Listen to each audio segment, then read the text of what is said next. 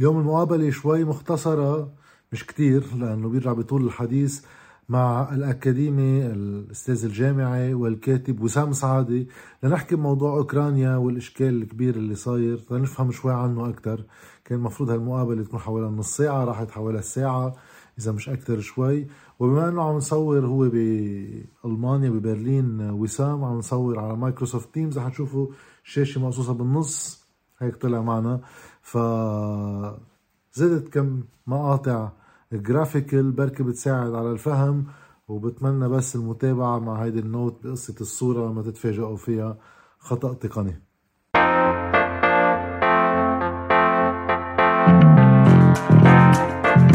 رحب فيك وسام سعادة عن جديد. كنا حكينا بمقابلة مطولة آه، من كم شهر.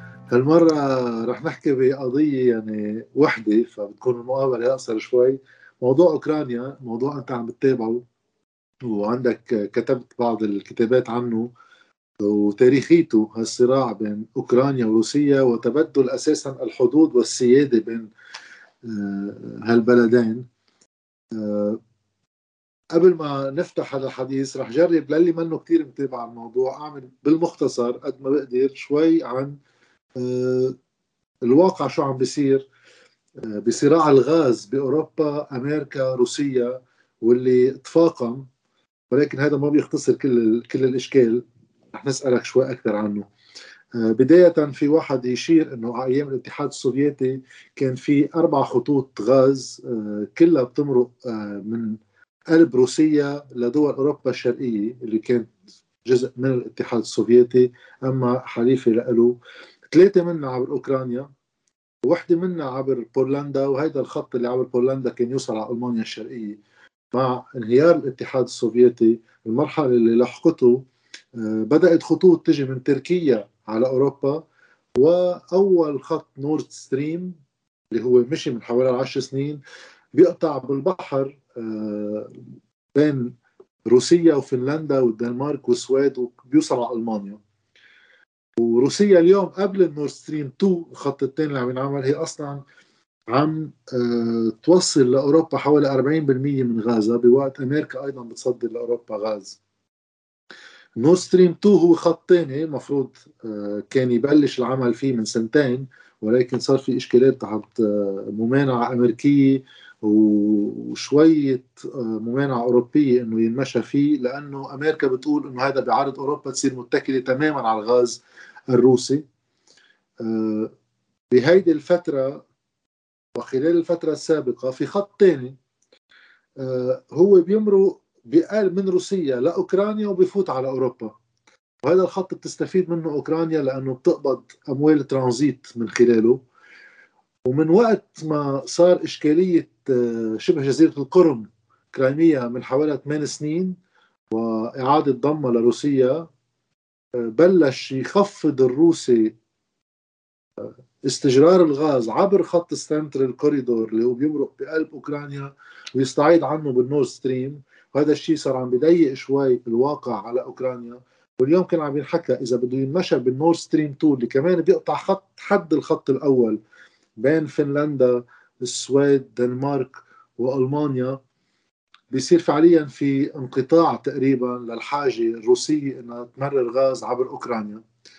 آه، من 2019 الأمريكيين آه، عم بيقولوا إنه السير بخط النور ستريم 2 اللي قادر لحاله يعطي حوالي ثلث الحاجة الأوروبية بالغاز إضافة لأنه أصلا روسيا عم تعطي حاليا أكثر من الثلث بتصير أوروبا متكلة تماما على الغاز الروسي والأمريكيين هن أيضا مصدرين للغاز لأوروبا. فهذا الإشكال خلى خط نورد ستريم 2 يتوقف لسنتين على أساس بتموز 2021 بحضور الرئيس الأمريكي بايدن قالوا فينا نرجع نمشي فيه.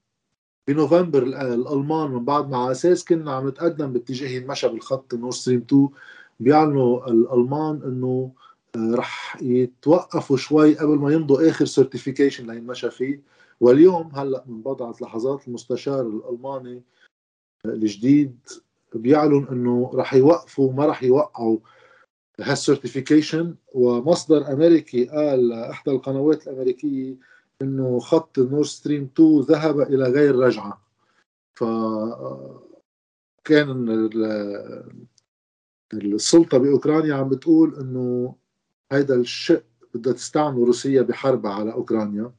فكان في خوف إنه ألمانيا تمضي فيه لأنه بمجرد ما هي كانت على هيدي العلاقة بروسيا كان وكأنه آه، عم بتخفف من دعمها لأوكرانيا وكانت من الدول القليلة بأوروبا اللي ما عم بتدعم بالتسليح أوكرانيا. هيدي هيك الصورة بشكل عام على الأخبار اللي خصهم بهالجانب من الصراع. في جانب تاني خصه بأنه أوكرانيا كانت عم تجرب تروح على محل تصير مقر لحلف الشمال الأطلسي. وهذا الشيء اللي روسيا ضده بتعتبره تهديد وبيوصل الخطر الأمني على حدودها.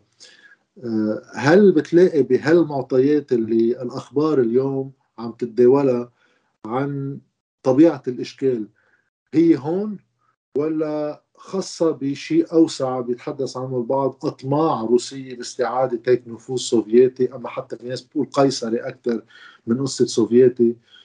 آه، أما هو فعليا ضغط أمريكي لمحاولة احتواء روسيا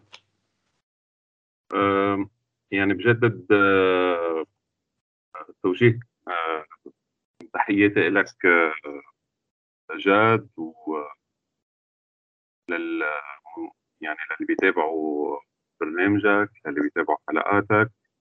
آه، للحقيقة أنا ما بشوف آه، بهذا الصراع ما بشوف يعني ما يعنيني فيه أو ما أعتبره هو الإشكالية الصميمة لهذا الصراع. ما بشوفها بأنابيب الغاز بالدرجة الأولى. تكون واضح بهذا الأمر.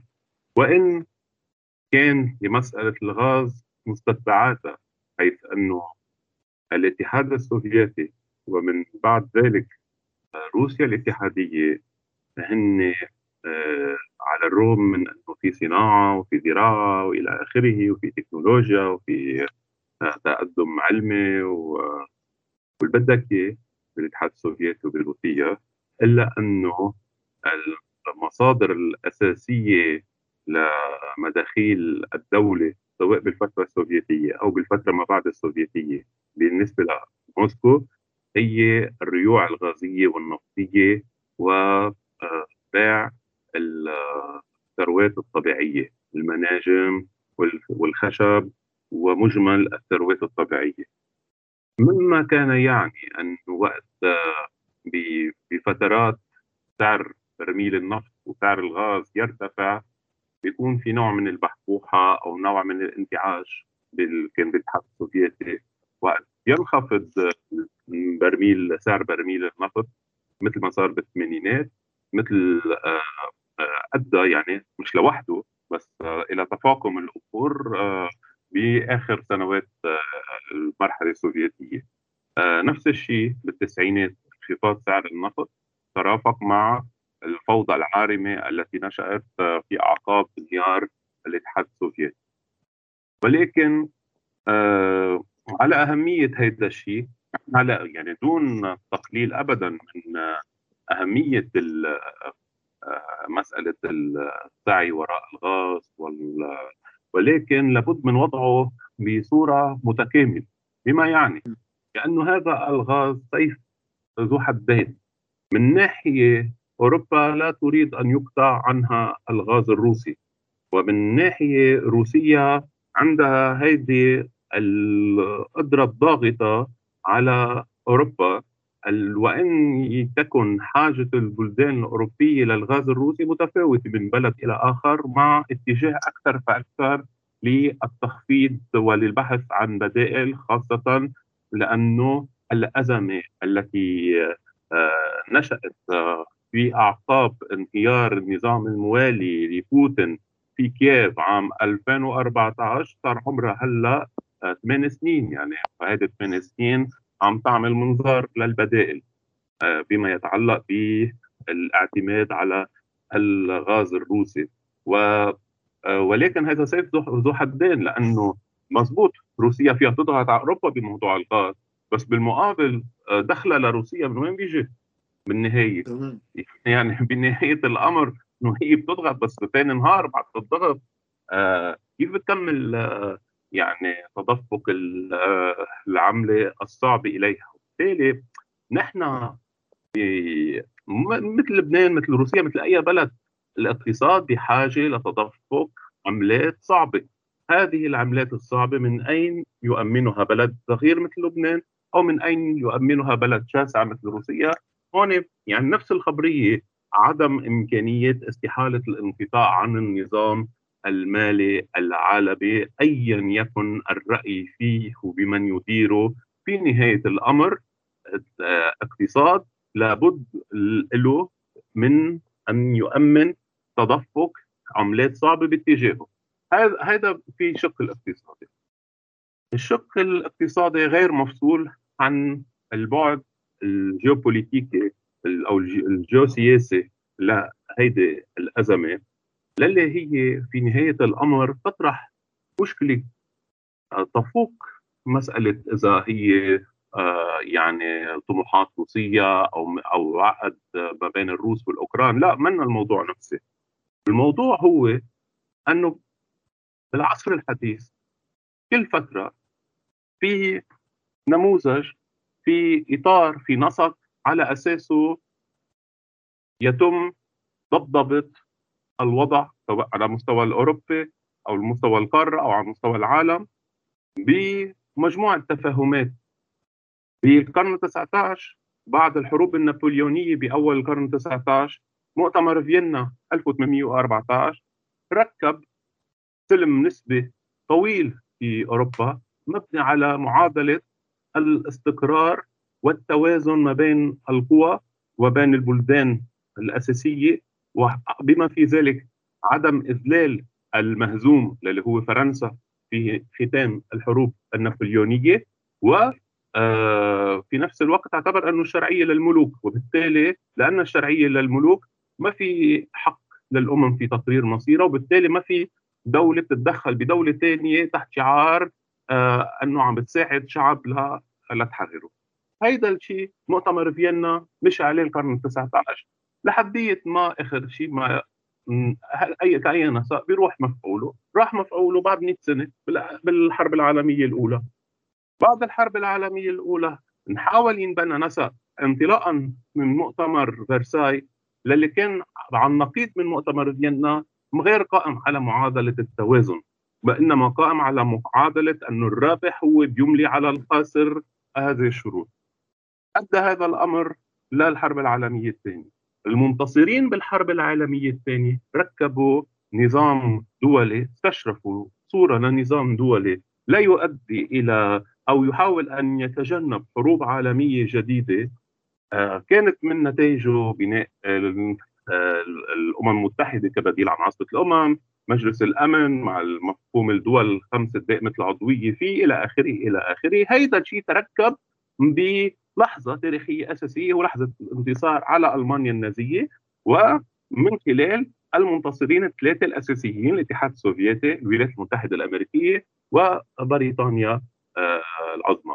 آه، هيدا هيدا الأساس هيدا هيدا النسق هو اللي انعمل بين يالطا بشباط ال 45 وبوتسدام بمؤتمري يالطا وبوتسدام بشباط ال 45 وتموز ال 45 نحن من سنة ال 45 ملتزمين بهذا النسق. هذا النسق بشكل يعني شبكة أمان دولية ما يبدو انه انتهى مفعوله مش من اليوم بآخر عشرية يعني انتهى مفعوله. وبالتالي عندما انتهت الحرب الباردة وانهار الاتحاد السوفيتي استمر العالم يركن إلى معادلة كانت كان ابرمها الاتحاد السوفيتي مع الولايات المتحدة ومع بريطانيا ولم تنتج عن نهاية الحرب الباردة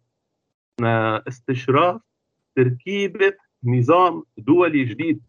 وبالتالي في عنا ديكالاج صاير من وقت انتهت الحرب الباردة من التسعينات لليوم ما بين نظام آه، يالطا المستمر وإنما للي صار أكثر وأكثر عم يتاكل من رصيده لأنه هو نظام مبني على وجود آه، دول لم تعد موجودة. الوجود بريطانيا العظمى يعني كان ثلاث منتصرين بالحرب بعد عشر سنين عوض ماك البركة بالإمبراطورية البريطانية. وبعدها ب 40 سنة انتهى الاتحاد السوفيتي أصبح نظام يالطا اللي على أساسه في الأمم المتحدة وعلى أساسه في فلسفة المجلس الأمن والدول الخمس العضوية وعلى أساسه الدول الخسرانة بالحرب العالمية الثانية ما عندها عضويه دائمة بمجلس الأمن مع أنها رجعت ركبت حالتها الاقتصادية وفي حالة وبالنسبة لألمانيا عادت تزعمها لأوروبا ولكن نحن اليوم ألمانيا مش بالم... مش من الخمس دول دائمة العضوية، اليابان مش دول دائمة العضوية، بالتالي نحن نجرجر وراءنا منظمة دولية فاقده أكثر فأكثر لرصيد من الفعالية من لأنه في نهاية الأمر هذا الديكالاج بلش من باكرا في نهاية الأمر ولكن أصبح أكثر فأكثر مستفحل. بما يعنيه ذلك أنه اليوم إذا بناخذ نموذج. هو مجلس الأمن. مجلس الأمن على الرغم يعني في واحد يسرد من هلا لايام عن آه، سوء ومساوئ هذه المؤسسة. ولكن كانت عم تشتغل لحديث 2014 من وقت البلوك البلوكاج الصاير في مجلس الأمن من وقت أزمة آه، 2014 الناشئة على خلفيه انهيار نظام والي لموسكو بأوكرانيا و آه، حسم الأمور داخل كييف لصالح مجموعة أطلسية الهوى ولصالح مجموعة مشكلجية مع الروس بكل بساطة يعني عندها عندها حماسة قومجية كمان عندها يعني فايت آه، مشكل معهم مش آه، يعني عم تحاول إنه تشوف طريقة كمان لتقدر تبني علاقات حسن جوار مع روسيا الاتحادية ولكن فتنا من 2014 الرد الروسي بحث جمهورية الكرم ذات الاستقلال الذاتي للي هي أصلا كانت جزء من جمهورية روسيا الاشتراكية السوفيتية لحديث ال 54 بال 54 آه نيكيتا خروتشيف ارتجل آه بالذكرى 300 لما يسمى آه دمج أوكرانيا بالإمبراطورية الروسية. هديها هدي الكرم من هيك من لوحده آه خروتشيف. علما أنه الكرم بالأساس كان فيها تتار وبعد التتار فيها صاروا بعد صاروا اقليه 15% ما فيها اوكران القرم صار فيها استيطان روسي من فتره من الفترة القيصرية بس ما فيها ما فيها ما فيها اوكران هيدا جانب. الجانب الثاني هو إنه في مشكلة ما بين روسيا ومش بس أوكرانيا. في مشكلة ما بين روسيا وكامل أوروبا الشرقية. دول الطوق يعني هول الدول اللي كانت شو بدنا بالجمهوريات السوفيتية السابقة؟ بالجمهوريات الديمقراطية الشعبية اللي كانت جزء من حلف وارسو. هيدي كلها بعد ما انهار الحلف وارسو انهارت الأحزاب اللي كانت حاكمة فيه أو تحولت لاشياء ثانية وقسم منها. بعضه بالحكم يعني هو بمسميات ثانية اشتراكيه ديمقراطية وما إلى هنالك. هي كلها ركضت سواء يسار أو يمينها يفوتوا على حلف شمال الأطلسي. لأنه بشكل أساسي آه معتبرين إنه الخيار يعني بعد ما عاشوا فترة فترة الهيمنة السوفيتية عليهم خيارهم إنه لا بدهم يكونوا مثل الغرب بدهم يتمثلوا بالغرب. صحيح تمثلهم بالغرب واندماجهم بالغرب ما اعطى نفس المردود نفس النجاح بكل هذه البلدان. يعني في عندك بلدان كمان عملت ردة فعل عكسية يعني مع ظهور الشعبوية خصوصا بالمجر آه، كمان ببولونيا. آه، ولكن الخيار العام كان أنه هي تصير جزء من الغرب. فتح حلف شمال الأطلسي وأنه هذا حلف شمال الأطلسي بيحميها من من من جارة الثقيل الوطأ بالنسبة لها اللي هو روسيا في الدرجة الأولى. وحتى إذا واحد بده يفتش شوي كمان بهواجس كمان بما يتعلق بألمانيا. يعني بولونيا اللي موجودة ما بين يعني قطبين قوايا تاريخيا الروس والألمان.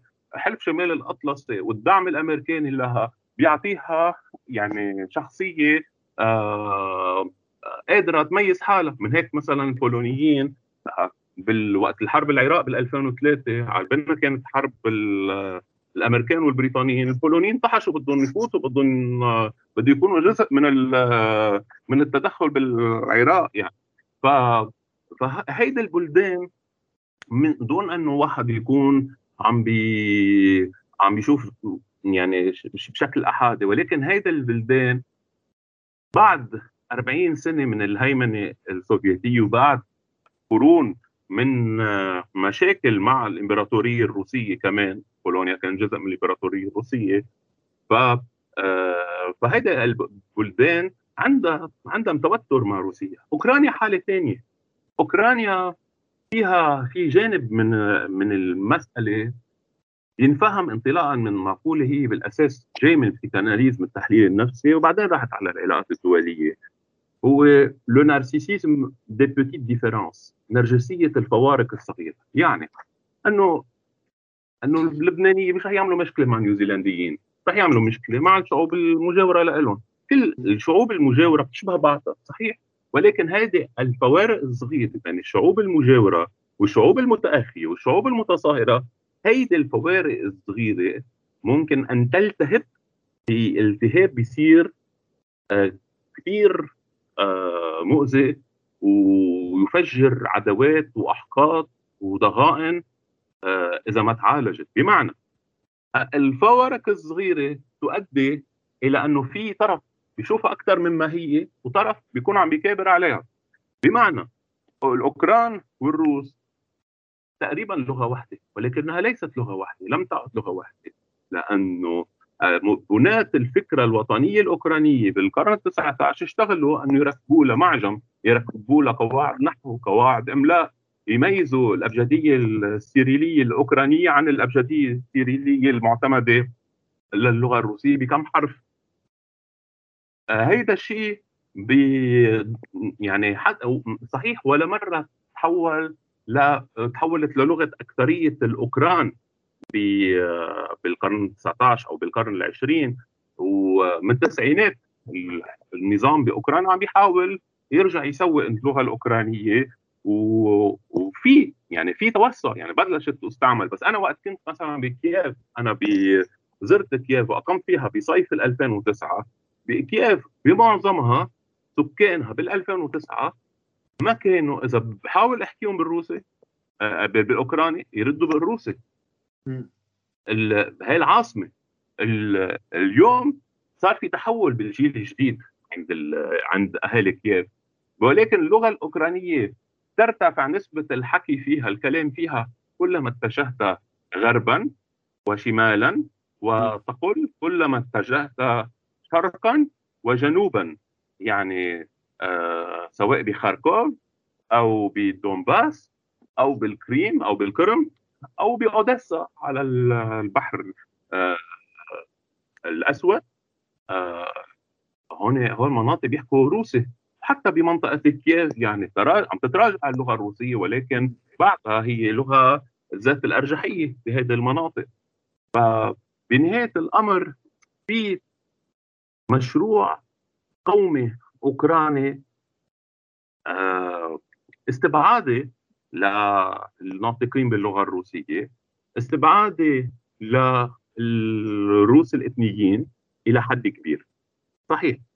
ولكن بالمقابل في آه، أسلوب روسي بتعامل مع هذه الأزمة آه، غير صحي أو مقلق لأنه بنهايه الأمر هذا الأسلوب مبني على معادلة أنه يحق لروسيا أن ترعى كيانات انفصالية في الجمهوريات السوفيتية السابقة مثل لوغانسك دونيتسك جمهورية الكيانات من الاثنين أوبلاست اللي اعترف فيهم بوتين امبارح في جمهوريات مستقلة. مثل بس مش لوحدهم. في ترانسنستريا بمولدوفا في اوسيتيا الجنوبية بجورجيا في أبخازيا بجورجيا هول كلهم جمهوريات انفصالية تدعمها موسكو آه، بس موسكو؟ بس موسكو بتقول بتقول شغلة إنه رح نعتمد نفس المعيار اللي اعتمده القوى الغربية وقت آه، référendum كوسوفو إيه لا لا لا ما أنا بفهم أنا بقصة كوسوفو مسلم بهي القصة بس السؤال مش هون. السؤال إنه ما ما بيتعلق بس بكوسوفو بيتعلق بجمهوريات ذات استقلال ذاتي داخل روسيا الاتحادية هذا الأخطر. يعني بكرة إذا تماما آه رجعت إيه شو لك كان هيدا يعني تفكيك اوكرانيا صحيح تفكيك أوكرانيا أسهل من تفكك روسيا. لا شك تفكيك أوكرانيا يعني هشاشة أوكرانيا أكبر بكثير من عناصر التفسخ أو التصدع الموجوده على مستوى الاتحاد الروسي. صحيح اليوم خصوصا بعد حربي الشيشان خصوصا بعد حرب الشيشان الثانية والانتصار ال ال كان الدموي تدمير كان للشيشان وإعادة أعمار. ولكن ولكن في نهاية الأمر سواء بصربيا وبكوسوفو أو بدونباس أو ب أو بكل هذه المسائل نحن عم نرجع لمشكلة ما لها حل بالنظام الدولي الحالي وبالقانون الدولي الحالي. يحاول القانون الدولي يحاول تحاول العلاقات الدولية أن تحصر هذه المشكلة قدر الإمكان ولكن ما لها حل. هي في تناقض. هذا التناقض هو موجود ما بين مبدأين. مبدأ حق الشعوب في تقرير مصيرها من ناحية ومبدأ l'intangibilité des frontières عدم قابلية تغيير الحدود يعني و l'indivisibilité du territoire national وعدم قابلية التراب الوطني للقسمة هو مبدأ هذا مبدأ من ناحية ان ما فيك أنت تجزئ وتقسم بلد. من ناحية ثانية حق تقرير المصير. يا حق تقرير المصير يا تقسيم آه يا, يا يا يا منع التقسيم وبالتالي بس هيدا ما له حل يعني هيدا بنهاية الأمر. فأنا هيدا الشيء وقت وقت نتعامل كنا أيام الجامعة وقت عم ندرس علوم سياسيه نوصل على مبدأ حق تقرير المصير. أما عدم الحق بتقسيم الأمم يعني آه إيه؟ ما في ما, ما في جواب. يعني ما, ما في جواب ولا حدود. ما هو الجواب الوحيد هو القوة. بس ما يكون في الجواب. تمام ما في جواب. الجواب الجواب, الجواب الوحيد هو مين بيقدر أن يملي شرطه مين بيقدر أنه بالقوة ومين بيقدر أنه بعد القوة يظهر من منطق الحرب دائما يعني أنه يفرض يعني يقدر بالقوة يفرض إرادته مش أنه يف... مش أنه ضل مش مفتوحة مفتوحة. آه إيه مش تضل أمور استنزافية ولا بتتحول لنزيف. وهذا الخطورة للي ممكن أن يتعرض لا يعني المشهد خصوصا من الجانب الروسي بالدونباس أنه هيدا هيدا يكون آه كمان مطرح آه نزيف مش بس لأوكرانيا نزيف لكل هيدي التركيبة اللي نشات بعد انهيار الاتحاد السوفيتي بما في ذلك روسيا الاتحادية. حكيت شغلة عن انتهاء الحرب العالمية الثانية والنظام الدولي اللي نشأ من بعدها وانتهاء مفاعيله فعليا قبل بسنوات من هلأ بقدرته على احتواء الطابع الجديد اللي عم تاخده السياسة الدولية بشكل عام. في في حديث بينحكى إنه اليوم نشأ من سنة التسعين 91 مع انهيار الاتحاد السوفيتي. نظام دولة احاديه القطب بفعل الأمر الواقع مش بفعل تغير مؤسسات دولية لتواكبه. هيدا الشيء ترجم إنه إذا من ميلة كان في حلف وارسو هو اتحاد سوفيتي مع الدول الحليفة له كاتفاقية دفاعية عسكرية بيناتهم كان في مقابله حلف الشمال الأطلسي. هذا التوازن كان مفهوم بواقع حرب باردة. مع انهيار الاتحاد السوفيتي وانهيار حلف وارسو استمرارية حلف الشمال الأطلسي صار اليوم مع عودة صعود روسيا النسبي لأنه أكيد منا قد أمريكا عم تعتبر هيدي الفكرة بحد ذاتها هي تهديد. ليش بده يستمر في حلف عسكري موجه فعليا بالأصل بوجه الاتحاد السوفيتي؟ واليوم وقتها من سنة 2007 8 9 في كل هالدول بأوروبا الشرقية عم تتخانق لتاخذ هيدا الغطاء الحمائي العسكري اللي بالنسبة للروس بحط أمريكا على حدوده طيب هيدا المنطق مع الواقع الإثني المتعدد لكثير من هالمناطق اللي بيقدر واحد يلعب فيه من الخارج بيفرض إنه العلاج بالقوة يصير عم بيلعب على حافة خطيرة كثير وأوروبا كانت ساحتها لمرتين كثير كبار إذا ما نرجع للتاريخ لورا. آه، اليوم تحديدا في يرجع هيدا الصدام ما يكون له حدود.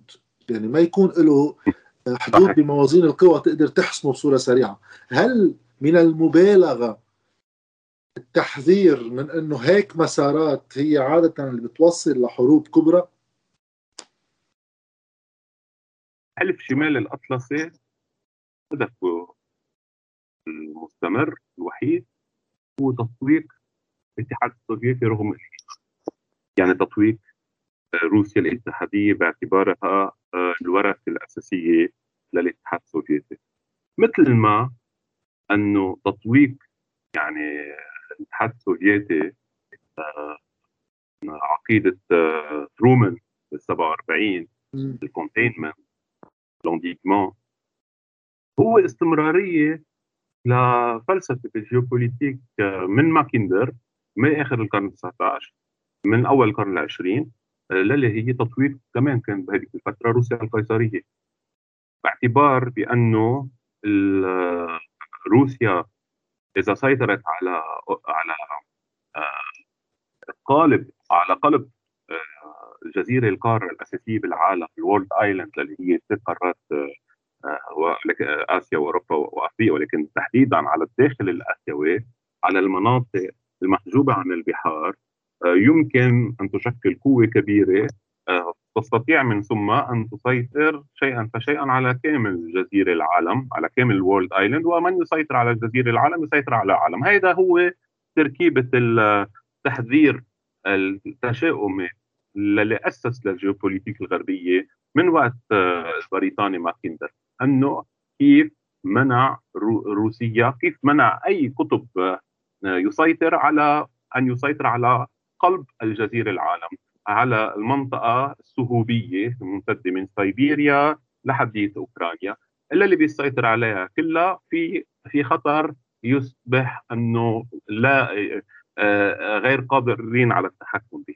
وبالتالي في استمرارية لهذا المنحى آه هذه الاستمرارية لهذا المنحى بتبلش عند البريطانيين تنتقل عند الألمان يعني بالحربين العالميتين بالثانية بالنسبة للألمان هدفهم ببربروسا ما كان فقط تهزيم الاتحاد السوفيتي كان إلغاء شيء اسمه روسيا آه، واعتبار بأنه التركيبه أو يعني آه، إعادة العودة للوراء بالزمن لوقت كان في آه، مملكة الموسكوب يعني يصير في موسكو الموسكوفية من جديد يعني وبالتالي من موسكو وغربا إيه إيه غرب موسكو بطل في روس. وبالتالي إيه صحيح. الروس يعني عايشوا كل هيدي المسار الهجومي والاحتوائي والحصاري. آه، صحيح. ما في شك بالنسبة لإله ولكن الفرق وين؟ الفرق هو إذا واحد بيرصد روسيا عبر القرون الماضية والروسيا اليوم. روسيا بال 1812 فات نابليون مع لو ولو فتنا على التاريخ لورا بس للحظة. فتنا مليون على موسكو. حرقوا موسكو بمواجهته و وبلشت المقاومة الروسية وثم طاردوا القيصر الروسي ألكسندر الأول. لنابليون لحديت ما فات القيصر الروسي وجيش الكوزاك اللي جزء منه من الأوكران بالنهاية فاتوا إيه. على باريس وعسكروا بالشانزليزيه. كان بعد حقوق الشانزليزيه. و ضل الجيش الروسي محتل باريس لثلاث أربع أشهر. القيصر هو للي أجبره للملك العائد للويس 18 آه، أنه يعمل دستور بفرنسا. بالوقت اللي القيصر ما كان عنده دستور بروسيا بس هو اللي حط له الدستور هو اللي أشرف على الدستور. روسيا بال 1848 أنقذت. روسيا أنقذت يعني المملكة الألمانية الأساسية والنمسا قدام الثورات بال 1848 روسيا كان دائما عندها منفذ لأنه تكون عندها سياسة فاعله في الداخل الاوروبي الشيوعية كمان منحتها. بالقرن العشرين آه، إمكانية بعد ما كانت بلشت تخسر إمكانية أنه التأثير على الداخل الأوروبي ب صار في إمكانية للدخول. الأحزاب الشيوعية موالية لموسكو اللي كانت توصل لثلث الأصوات بفرنسا أو بإيطاليا. ال ال الانتصار الكبير للاتحاد السوفيتي بالحرب العالمية الثانية للخليه يسيطر على آه، قسم كبير من أوروبا. بالوقت اللي روسيا بباريس بال 1814 روسيا ببودابست بال 1848 روسيا ببرلين بال 1945 اليوم عم نحكي ماكسيموم إنه روسيا بتفوت على خاركوف أو على كييف. بالتالي آه هيدا بده بحد ذاته يعني تأمل. لا ليش يعني؟ لأنه بال ما تفتقده روسيا اليوم هو حلفاء. لا لا. السياسة للي ماشي فيها بوتين مش صحيح إنه ممكن أن تركب له حلفاء. آه، يعني من يعني من عقود عم نسمع كثير ساعة عن دول البريكس ساعة عن التحالف الصيني الروسي آه، ساعة عن آه، يعني نسمع يعني عن أوراسيا كذا. بس روسيا فعليا ما عندها حلفاء لوكاتشينكو والدونباس هول ما بشكلوا حلفاء حقيقيين لروسيا.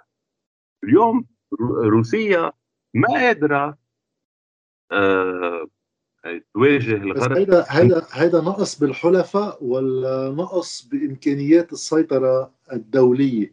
اليوم بعد النظام الدولي اللي ركب من بريتون وودز وفعليا من ال 71 أهم من البريتون وودز Nixon shock.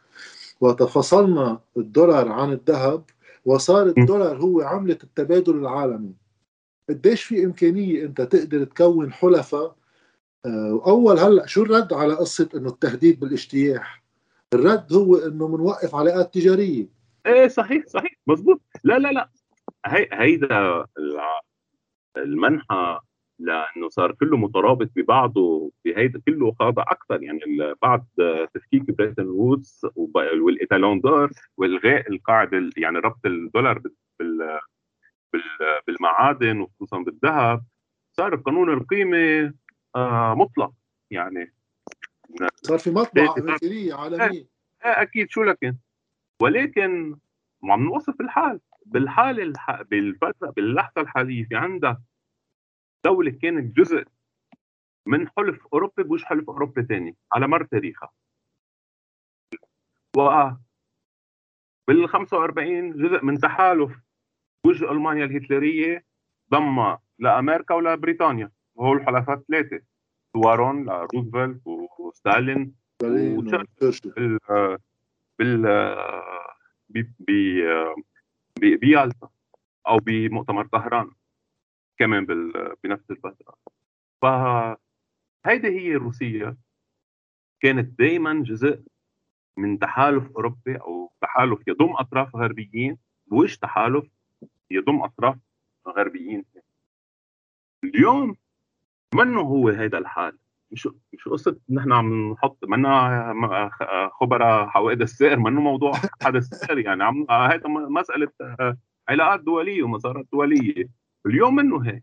اليوم اللي صار إنه في حلف انتهى هو حلف وارسو. بالمقابل في حلف ثاني شغلته إنه يستفز روسيا شغلته يطوق روسيا اسمه حلف شمال الأطلسي. قرر يتوسع. وبلشت هيدي البلدان يعني من ناحية هو بده يتوسع وهي هيدي البلدان بلشت تتجه. صوبه يعني ما ما مصدقة هول البلدان اللي طلعت من فترة حلف وارسو شيء لأنه مفكر أنه بده هيدا الشيء بيرفعه اقتصاديا وشيء اللي مفكر أنه خلاص ما بده بده ضمان لما يرجع يوقع ضمن الهيمنة الروسية أو حتى الألمانية. بلدان صغيرة بالنهاية متوسطة الحجم. أمكن بالنهاية الحلف الأطلسي يضم كل هيدا البلدان بلشت المشكلة فعليا وقت قدرت دول جمهوريات البلطيق ثلاثة الجمهوريات السوفيتية السابقة بدول البلطيق الثانية قدرت فاتت على الحلف الأطلسي. ببلشت من هون مشكلة بوتين. قبل يعني هو سمح لهم يعني ما كان بعد قادر آه، يكسر الجرة بهذه الفترة وقت فاتوا بأول الألفية. ولكن وقت قررت جورجيا وقت بلشت التوجه بجورجيا وبأوكرانيا نحو هيدا الشيء لا آه، استعمل القوة استعمل الحرب بجورجيا. يعني وقت. ساكاشفيلي كان مفكر إنه هو قادر يفرق يعني مستقوي بالغرب فات على أوسيتيا الجنوبية. آه، هون مش روس إثنيين هو أوسات يعني. في أوسيتيا القسم منها قسم الأوسات بالشمال آه، أوسيتيا الشمالية جزء من روسيا الاتحادية.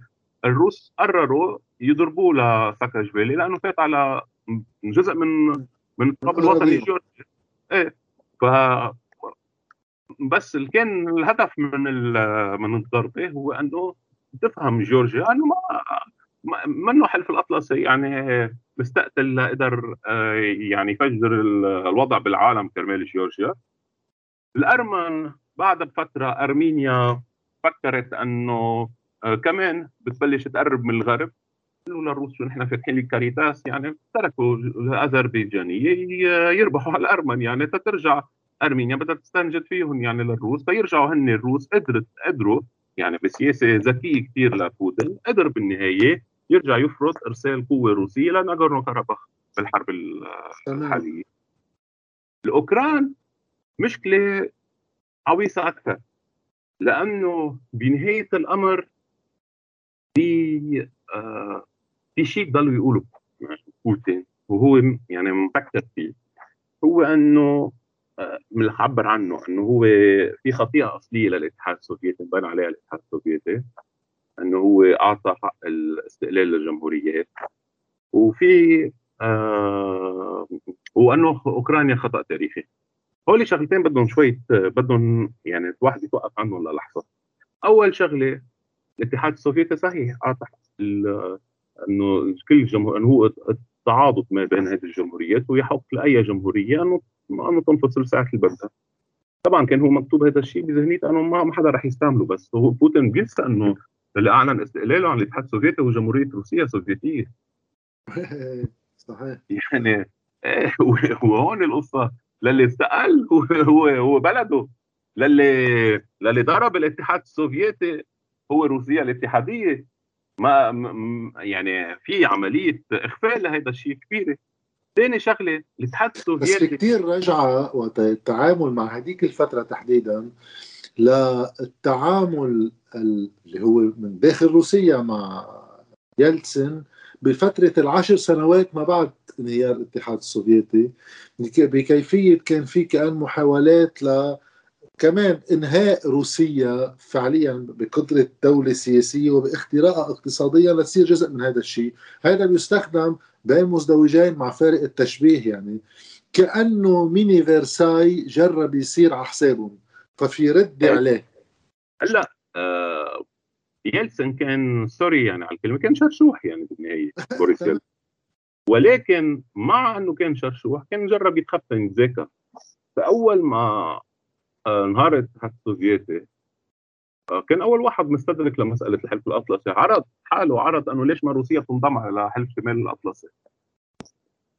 يعني على الرغم من طابعه الرث كشخصية وكتجربة ولكن كان حتى يلسن مستدرك لهذا الأمر لأنه بالنهاية استمرار حلف شمال الأطلسي بالتوسع لتطويق روسيا وباعتبار أن هناك رابح ومهزوم بالحرب الباردة سوف يؤدي إلى احتقان جديد وإلى مشكلة جديدة هو حاول أنه يحلها بال هيك بالتزاكي الساذج يعني أنه ليش نحن ما نفوت على على على على على حلف شمال الأطلس؟ على أساس هو يعني ناطرينه يعني ليف هو معه شغلته إقصائك يعني شغلته أنه تقويضك.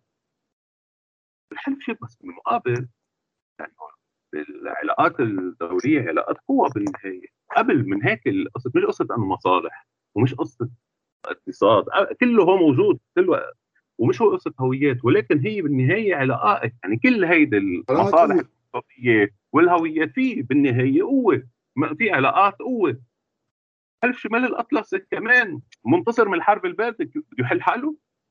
ليه بده يحل حاله؟ ما هو انتصر بهيدا ال gap الدولي الموجود مع تغير طبيعة العلاقات الدولية من تقريبا 80 سنة لليوم بيؤدي إنه اليوم بمحاولات preuve de force يعني محاولات كل واحد يمد إيده قدر المستطاع إعادة البحث عن شكل آخر للتنظيم العالمي. يعني في ناس بتبسطها بإنه هيدا التحول هو فترة طويلة ممتدة من الوقت بدها تكون. بتحول من عالم أحادي القطب لشكل آخر. ما بنعرف كيف بده يخلص بس في قوى عم تجرب تنازعه. ما عندها القدرة على إنها تنازعه بس ما عندها القدرة إنه تشتغل من ضمنه. إيه، هلأ هو احاديه الكتب هذه يعني أو اول كم سنة بعد ما انتهت الحرب الباردة كان يعني التسعينات إيه التسعينات يعني. بس بعدين آه، يعني صار في ميل أكثر وأكثر عند الأمريكان ينتبهوا إنه إذا بدهم يحافظوا على رياديتهم بالعالم لازم يقننوا قد ما فيهم يعني استنزافهم بالورلد ايلاند في الجزيره العالم يعني بالعالم بالعالم القديم قد ما فيهم ويلعبوا على التناقضات بين البلدان للي هي موجودة بال world island بالجزيرة العالم أو بالعالم القديم يلعبوا على تناقضاتهم إنه هن بيتدخلوا بيضبطوا آه، بي réajuste يعني بينظموا كيف هذه التناقضات عم بتصير. آه، ولكن إنه ما لازم يرجعوا خصوصا بعد آه، يعني ما بالتسعينات في ضخ التدخلات الأمريكية يعني الحرب الكويت بعدين حرب حرب كوسوفو الحرب بأفغانستان حرب احتلال العراق يعني في ففي يعني بعدين شافوا إنه إذا بضلوا مكفيين هيك بيستنزفوا قدراتهم وما بيقدروا يكفوا يعني وبيتقاتلوا مع كل العالم. يعني شيء بلشوا بلا صار في مشكلة غربية غربية. فهن عاملين آه نوع من انكفاء من فتره من يعني هو ذاته هذا الانكفاء بي يعني بعمقه هو ذاته من وقت ما راح آه آه من راح من جورج دبليو بوش. من وقت أوباما لترامب لبايدن نفس السياسة الخارجية بعمقها للي هو انه بناخذ آه، مسافة عن التدخل المباشر أو المستنزف مش لأنه نحن بدنا نبطل امبرياليين يعني مش لأنه بدنا نعف يعني اكلافه صارت مرتفعه لأنه لأنه إيه لا إيه مش بس لأنه هذا الشيء بيخلينا نضلنا مسيطرين على العالم لأنه بيضلنا مخلين انه مسيطرين على العالم لأنه البلدان العالم القديم ما بتقدر تحل مشاكلها لوحدها. نحن بيكفينا أنه آه نأثر بهذه التناقضات بهذه المشاكل. تناقضات ما بين الصين والهند ما بين الهند والباكستان. تناقضات ما بين آه روسيا وتركيا بفترة. تناقضات اليوم في اوروبا إلى آخره بشرق أوروبا بقصه اوكرانيا آه حتى بغرب أوروبا. إيه أكيد. ولكن في شغلة ثانية وقت نحن عم نحكي إنه هذا العالم أرسي في يالطا وبورتسلام بال 45 أرسي على أساس معين. هو إنه في المهزومين بالحرب العالمية الثانية سوف يعاملون كمهزومين إلى أبد الأبدين بشكل ما يعني. لحد طالما معادلات يالطا سارية. اليوم تحديدا يعني ما بعرف قديش ممكن تستمر هذه الأمور. هل يمكن أن نشهد بالفترة الجاية إنه خصوصا اليوم إذا بأوروبا الشرقية وبأوكرانيا شافوا هذه الشعوب إنه آه ما قادرين الأمريكان يوقفوا التفكيك الروسي لأوكرانيا. شو بعد رح يخلي الألمان على نفس السجية اللي هن فيها من وقت آه، نهاية الحرب العالمية الثانية؟ اليوم آه، نفس الشيء باليابان. اليوم يعني اليابان آه، الفرق بين ألمانيا واليابان فرق كبير كمان. آه، يعني اثنيناتهم عملوا عملوا كمهزومين ولكن اليابان ضربت بالنووي من دون ما يكون في حاجة عسكرية لضربه بالنووي. اليابان الألمان رجع هو الأمريكان الأمريكان رجعوا يعني قالوا لهم بدكم تعملوا جيش يعني في جيش بألمانيا يعني. من ال 45 حتى بفتره من الفترات الأمريكان فكروا إنه بركي ألمانيا بيرجعوا يعطوها نووي يعني بفترة الحرب البارده كانت بمواجهة الخط الأمامي بوجه إيه شو لك؟ أما اليابان ففي مادة بالدستور يحظر اليابان على حالهم يعمل جيش. ف هيدي كلها يعني هيدي كلها هذا مستمرة من نتيجة الحرب العالمية الثانية. إنما الوضع الدولي الحالي أصبح يعني ما ممكن هذه الاشياء بعد هيك واحد يضل مسلم إنه فيها تستمر. ليش بدها تستمر؟ هيدي البلدان ليش بدها تضل برات يعني معتبرة حال إنه طبيعي هي مش من خمسه دول الدائمه العضوية بالوقت للي اليوم فعليا ألمانيا هي القطب الأساسي بأوروبا. وفعليا آه، أكثر وأكثر الثنائية بأوروبا الشرقية منا بين يعني بمعنى الكبير من أوكرانيا ل لا لبولونيا للمجر هيك هي في قطبين في الروس وفي الألمان يعني بنهايه الأمر. من هيك الألمان الألمان منهم مش ما يعني ما منهم بمطرح إنه يحطوا مواقف عنترية بمسألة أوكرانيا وما يقدروا يلبوها ثاني نهار. هذا الفرق بينهم وبين الأمريكان. الأمريكان إنه بالنهاية بعيد يعني فيهم بعدين يحطوا جماعتين على زيلينسكي أو على حلفائهم بأوكرانيا خلصت يعني. ما بيأثر فيهم إنه بينما المانيا تعرض بالمباشر إيه شو لكن؟ ولكن بنفس بنفس الوقت آه نحن بمخاض عالمي صحيح؟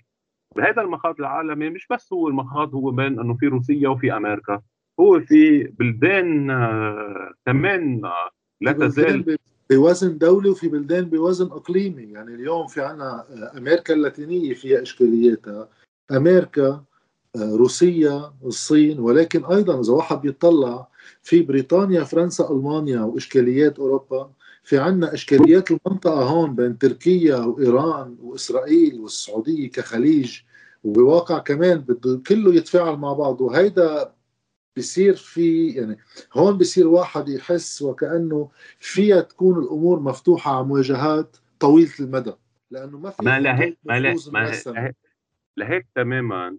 الأمريكان بلشوا من بعد حرب العراق يفكروا بأنه هيدا العالم القديم عالم ما قبل اكتشاف أمريكا هول البلدان فايتة بعملية مثل ال autos tamponneuses يعني هول السيارات بالمدينة الملاهي يردوا ببعضهم فراح يضلوا يطفشوا ببعضهم هول البلدان بالعالم القديم.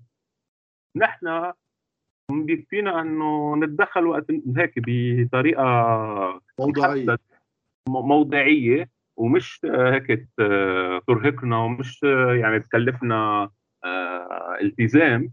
ما تعملنا commitment ما تعملنا التزام يعني هيك دفعنا دم دفعنا مصاري على مدى طويل.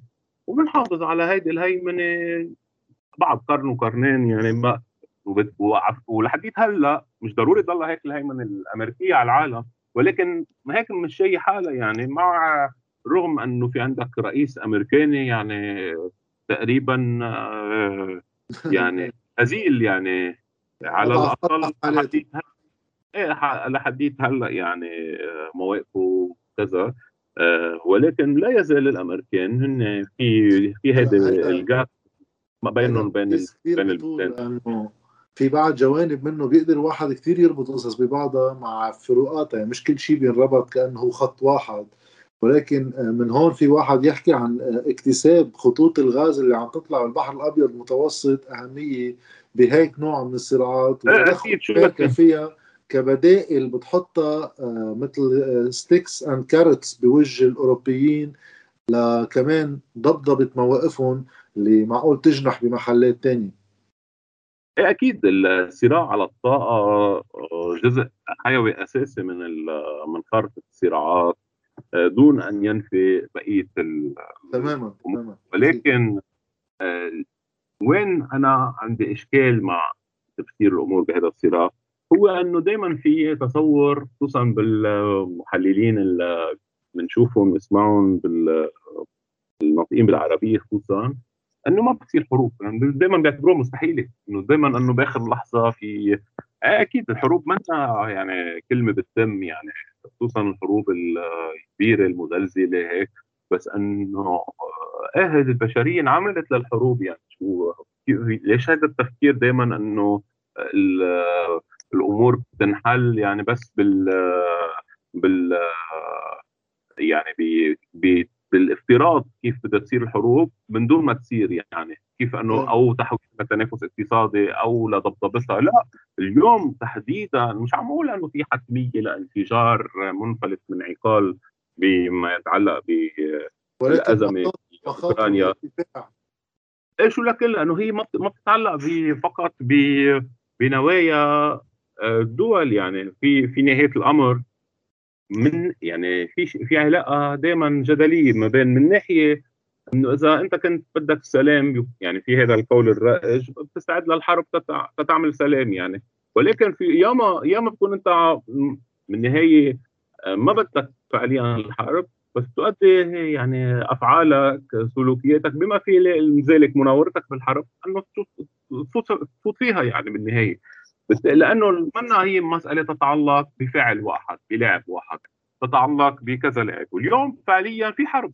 الحرب بلشت من 2014 في حرب جديدة ما بين روسيا والبلدان والبلدان الغربيين. البلدان الغربية كداعمين للطرف الأوكراني. آه، روسيا في عندها إشكالية أساسية مع الجيش الأوكراني كما أنشئ بعد آه، منذ 2014 لحديث اليوم.